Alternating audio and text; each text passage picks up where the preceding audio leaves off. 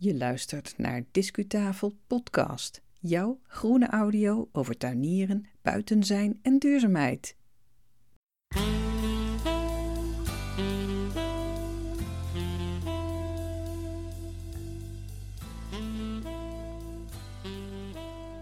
Hoi, fijn dat je er weer bent bij Discutafel Podcast.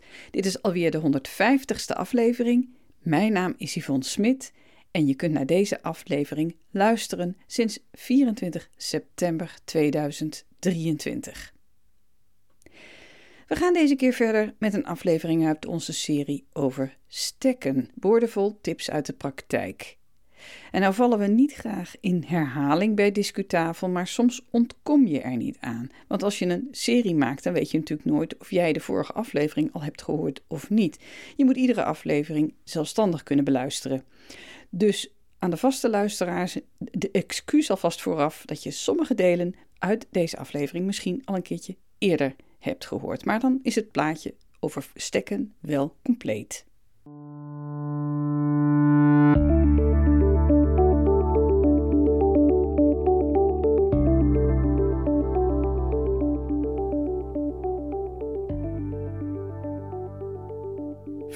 Over 2023 brengt Discutafel een aantal afleveringen voor je uit over het stekken van jouw planten.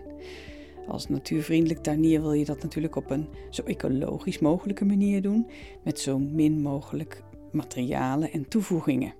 We hopen je hierbij te helpen. Hierbij bieden we je de kennis aan die past bij onze eigen ervaringen. En als we ergens geen ervaring in hebben, dan zullen we dat er ook even bij zeggen. Vertrouw daarnaast vooral op je eigen inzichten en ervaringen. Je hoeft niet alles direct te onthouden wat je nu gaat horen.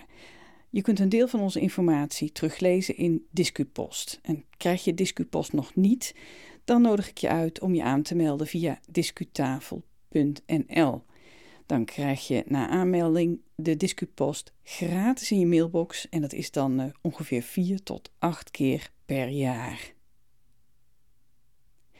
Je zult me ook uh, planten horen benoemen die geschikt zijn voor de besproken stektechniek. En die planten die zijn eigenlijk bedoeld als voorbeeld. Ik zal ze vermelden in de shownote die past bij deze aflevering. Dus ga naar discutafel.nl om in de shownote de voorbeelden nog eens na te slaan. Soms grijpen we in onze informatie over stekken ook terug op eerdere podcasts of op blogs die we hebben gepubliceerd.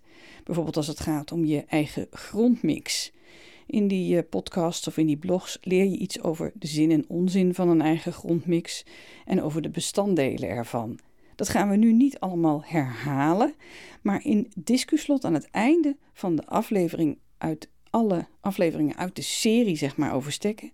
In discuslot hoor je in grote lijnen waar je iets kunt terugluisteren of teruglezen over die eigen grondmix.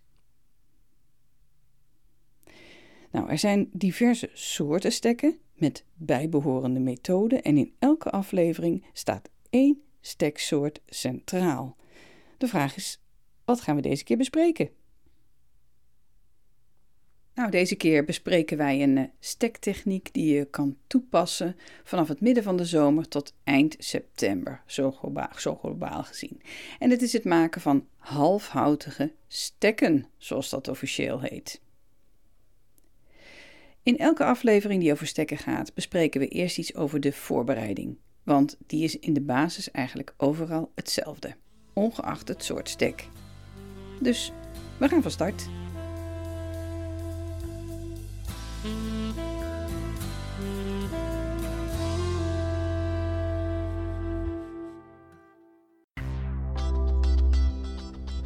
Discu-kennis. Van plan om te gaan stekken, dan is het goed om dit vooraf te weten. Zodra je een stuk van je plant afsnijdt, dan begint eigenlijk al het stervensproces ervan. Het is niet anders. Dus snelheid van handelen is belangrijk en het werken ook met de juiste stekmethode. Dan zal je zeker een grotere kans hebben om straks prachtige nieuwe planten te hebben. Aan de andere kant Misschien moet je onze aanwijzingen ook niet al te serieus nemen rond het stekken.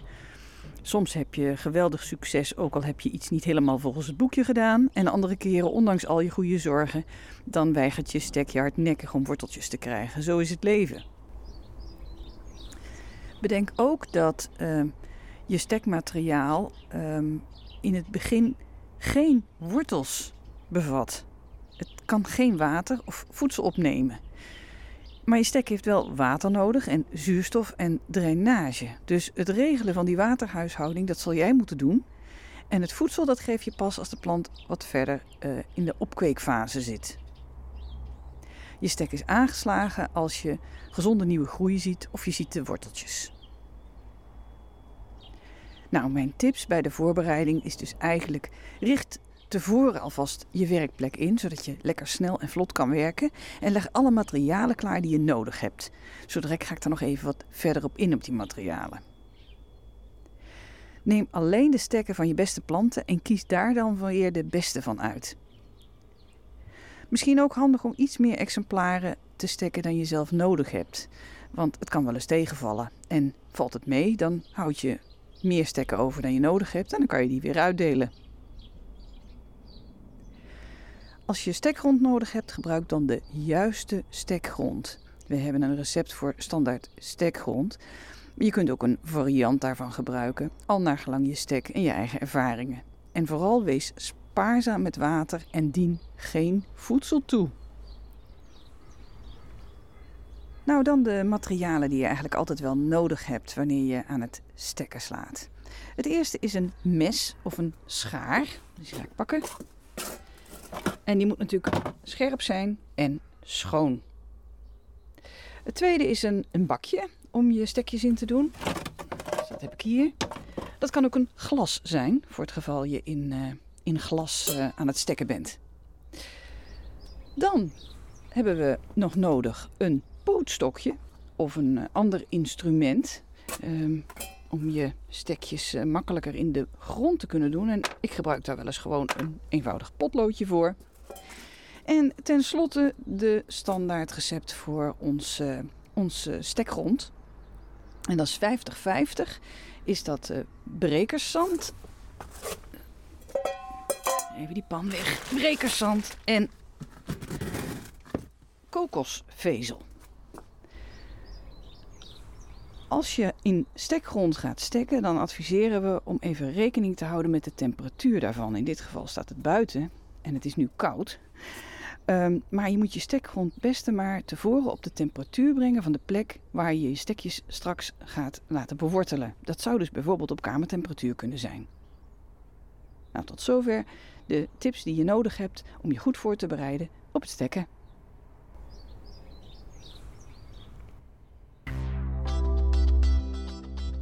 Discutips.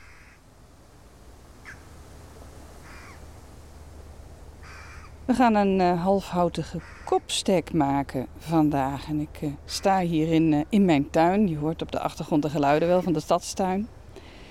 Welke plantensoorten kan je daar nou voor uitkiezen voor zo'n halfhoutige kopstek? Nou, je zou kunnen denken aan diverse bladverliezende bomen, zoals bijvoorbeeld een populier of een wilg. Of een jeneverbes. Een bijzondere plant ook. Wie weet heb je hem in je tuin en wil je hem vermeerderen. Maar je kan ook denken aan wintergroene heesters. En denk verder ook aan winterharde klimplanten. En tot slot, en dat is ook een belangrijke categorie voor mij persoonlijk, dat is dat je allerlei houtige kruiden kan uitkiezen om te vermeerderen, zoals lavendel en tijm. En um, denk daarbij ook aan de kruiden die soms de winter niet doorkomen, zoals citroenverbena. En die ga ik vandaag stekken. De periode waarin je dat het beste kan doen, wordt wel gezien als de periode van juli tot en met september. En als je van plan bent om te gaan stekken in grond, zorg er dan voor dat eerst je bakje is gevuld. Ik kom er zo direct op uh, waarmee je dat dan kan vullen. Ik heb het al gedaan. Ik sta hier bij die, uh, bij die plant, bij die uh, citroenverbena. En ik kies dan een volwassen scheut uit, een topscheut, uit het huidige groeiseizoen. Dus niet het oude hout, zeg maar. En ik kies ook een scheut zonder bloemen. En dan kijk ik dat de basis wel wat hard is, maar niet zo heel erg verhard van vorige jaren. Maar de top is dan nog zacht. En die ga ik dan afsnijden met de snede net onder een bladerpaar of een, of een stengelknoop. Nou, in dit geval is dat dan een bladerpaar. Dus dat, dat ga ik bij deze doen.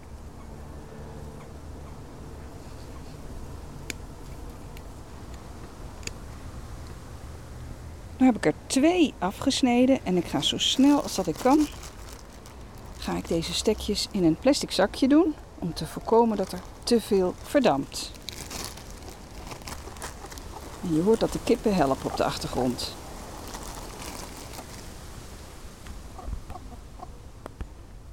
Dan loop ik snel terug naar de plek in mijn tuin waar ik uh, de potjes met grond al klaar heb staan om ze daarin te zetten.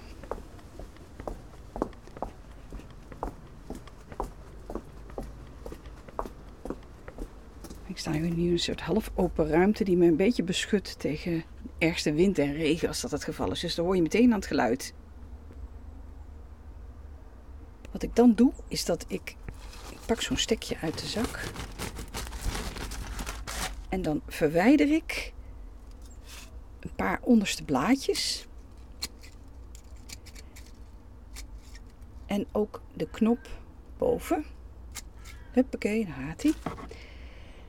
En ik wil ook het oppervlak van de bladeren die er nog zijn, wil ik een beetje verkleinen om de, de verdampingskans zoveel mogelijk te verminderen. Dus ik kies van de bovenste bladeren, kies ik er wat uit. Ik dun ze wat uit. Of ik halveer ze wat. Hmm, het gaat lekker ruiken. En vervolgens duw, duw ik de steppen diep, stekjes diep in de, in, de, in de potgrond. En dat doe ik tegen de rand van de pot. Dus ik pak een, een klein stokje, een potloodje of wat dan ook wat handig is. En dan duw ik ze zo in. En dat is vrij diep hoor. Je houdt de blaadjes wel boven de grond, maar voor de rest gaat er een groot gedeelte van de stengel gaat echt de aarde in. Nou, als ik dat uh, heb gedaan, dan geef ik heel lichtjes water, zodat de stekgrond uh, helemaal om de stek heen zit ik zet er het uh, naametiketje bij. Dat ligt hier al ergens. Waar heb ik dat liggen? Ah ja, hier.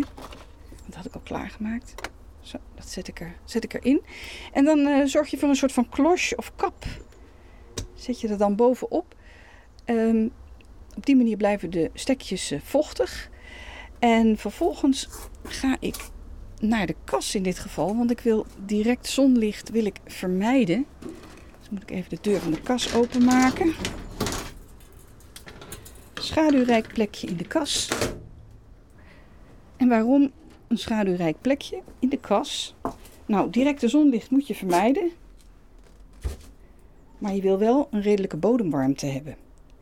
En dan is het natuurlijk een kwestie van, uh, van tijd tot tijd goed in de gaten houden van je stekken. Misschien af en toe uh, vanaf de onderkant wat water geven.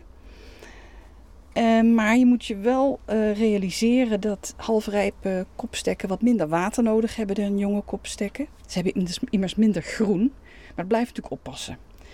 Ze moeten aan de ene kant in staat zijn om te wortelen en in leven te blijven. Maar uh, aan de andere kant moeten ze ook ja, hun, hun vochthuishouding kunnen regelen. Dus ja, je moet veel dingetjes in de gaten houden. Je zorgt voor een, een omgeving waar de worteltjes zich goed kunnen ontwikkelen. Dat wil zeggen een vochtige bodem en vochtige lucht. Je zou af en toe ook eens kunnen sprayen met wat water over de plant om de verdamping verder af te remmen. Nou, als het, eh, als het gaat over de, over de grond, dan zou ik je adviseren: neem het basisrecept um, stekgrond. Kijk maar eens even discutafel.nl. En die verrijk je wat met uh, compost of met tuinaarde. Als het gaat om planten die je buiten wilt zetten uiteindelijk.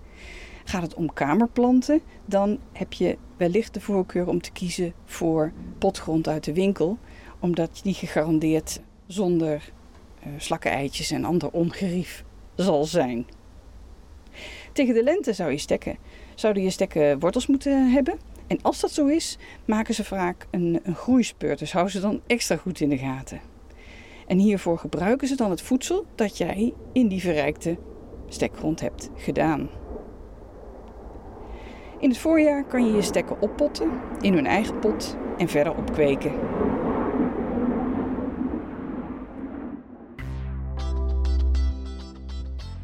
Discuslot. Nou, en met het oorverdovende vliegtuiglawaai boven mijn tuin nemen we afscheid van deze aflevering. Dankjewel dat je hebt geluisterd. En je bent niet de enige, want op 21 september mochten we de 50.000ste download begroeten. Hartstikke top, dankjewel. Wil je nou meer weten over stekken? Ga dan naar discutafel.nl.